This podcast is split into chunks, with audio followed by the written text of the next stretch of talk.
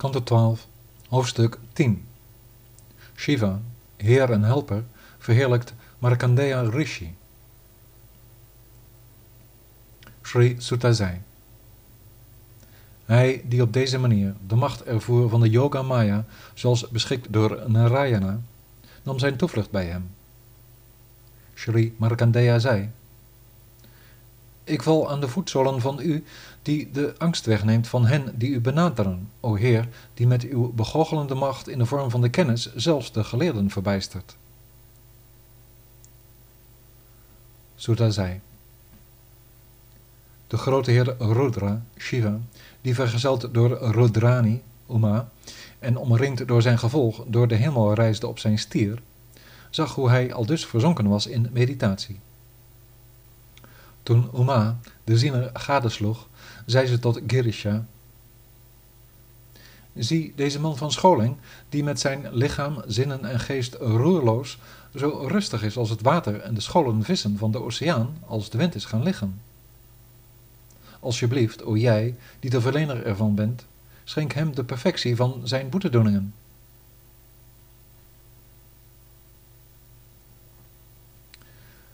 De machtige Heer zei: ik ben er zeker van dat de Brahmaanse ziener op geen enkel terrein welke zegening dan ook verlangt, zelfs niet de bevrijding. Hij heeft immers de bovenzinnelijke toegewijde dienst bereikt aan de Allerhoogste Heer, de onuitputtelijke oorspronkelijke persoon. Laten we niet te min gaan praten met deze zuivere toegewijde Bhavani. Omgang te krijgen met de heilige zielen is inderdaad het hoogste wat de mens kan bereiken. Sutta zei. Na dat gezegd hebben, ging hij, de meester van alle kennis, de meester van al de belichaamden en de grote heer en toevlucht van de rechtschapen zielen, naar hem toe. Met het stoppen van de functies van zijn denken had hij, de wijze, nog weet van zichzelf of van de wereld om hem heen, nog van de aankomst van de twee over het universum heersende machten in eigen persoon. Dat begrijpend drong Girisha, de meester, de grote heer, de etherische beslotenheid van Markandeya's hart binnen middels zijn mystiek vermogen, zoals de wind door een opening waait. Shiva verscheen bij hem van binnen met haarlokken helder als de bliksem, in het bezit van drie ogen en tien armen en zo hoog oprijzend als de zon. Samen met een tijger wel als kledingstuk toonde hij zijn boog en drietand, pijlen en zwaard, schild, gebedskralen, damaru, een bijl en een schedel. Toen hij hem zich plotseling voor zijn geestesoog zag manifesteren, zag de wijze af van zijn staat van vervoering en vroeg hij zich verwonderd af: Wie is dit en waar komt hij vandaan? Zijn ogen openend en ziend dat heer Rudra was gearriveerd met zijn metgezellen en met Uma, bracht de wijze met zijn hoofd zijn eerbetuigingen voor de ene guru der drie werelden. Hij vereerde hem samen met zijn gezelschap en Uma met woorden ter verwelkoming, zitplaatsen, water voor de voeten, water om te drinken, geparfumeerde olie, bloemenslingers, wierook en lampen. Hij zei, O machtige, wat kan ik voor u betekenen, o Heer, die het universum tot vrede beweegt middels de complete voldoening van uw extatische ervaring? Ik betuig u de eer die behagen schept in de geaardheid onwetendheid, u die de hartstocht toegewijd schrikwekkend bent, en u die plezier verschaft in de geaardheid goedheid.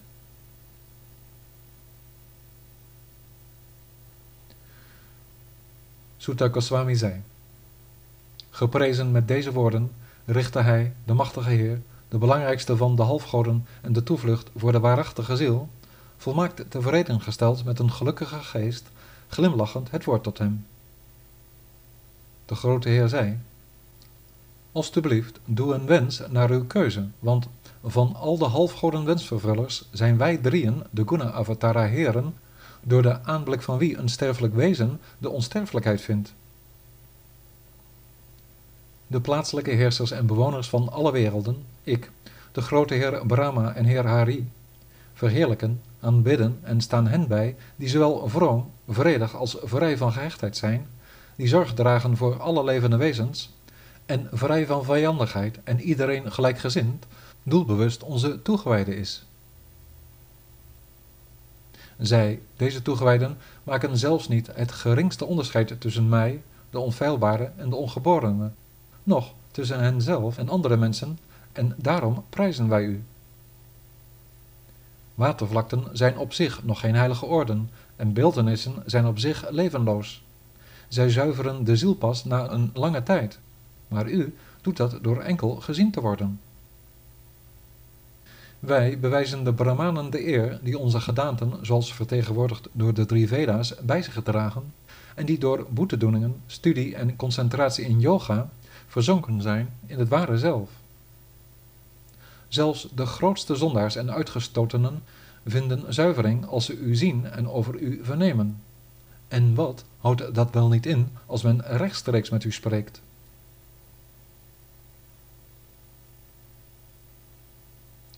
Sutta Goswami zei. Al dus met zijn oren drinkend van het nectarreservoir van woorden vol van het geheim van het dharma van de met de maan gesierde, was de wijze niet voldaan.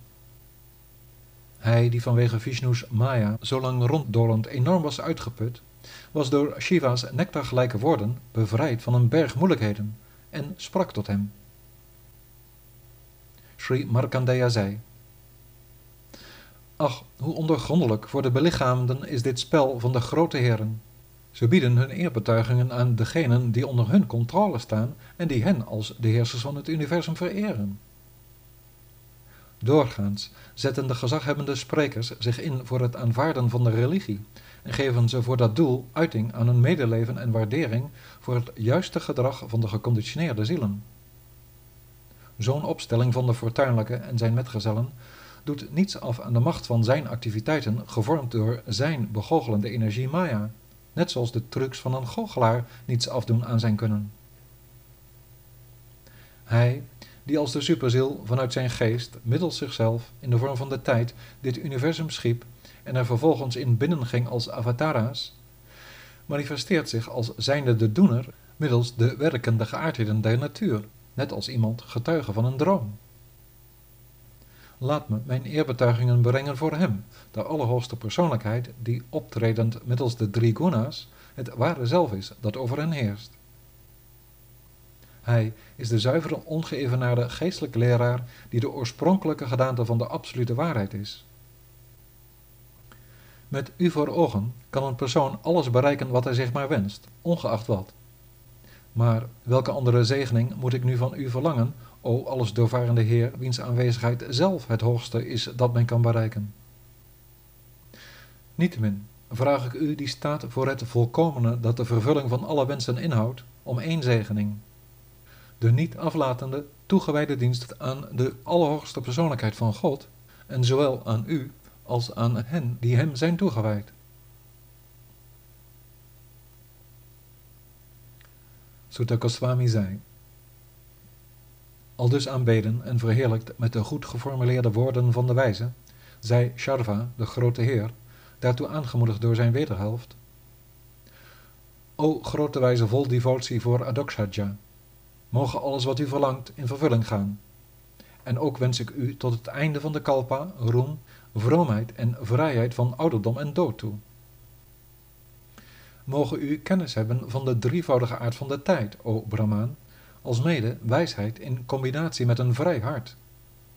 Mogen er voor u, die met Brahmaanse macht gezegend bent, de status zijn van leraar van de Puranen.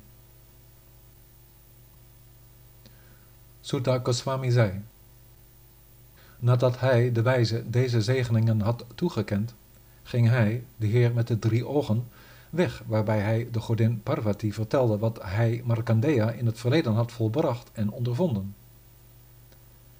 Hij, die beste ziel van Brigu, die in de yoga de glorie van de hoogste perfectie had bereikt, reist zelfs vandaag de dag nog aantoonbaar rond op zijn weg van het dienen van de Heer in exclusieve toewijding. Dit is wat ik u kon beschrijven van het verbazingwekkende vermogen van de begoochelende energie van de hoogste persoonlijkheid, zoals ervaren door de intelligente Markandeya.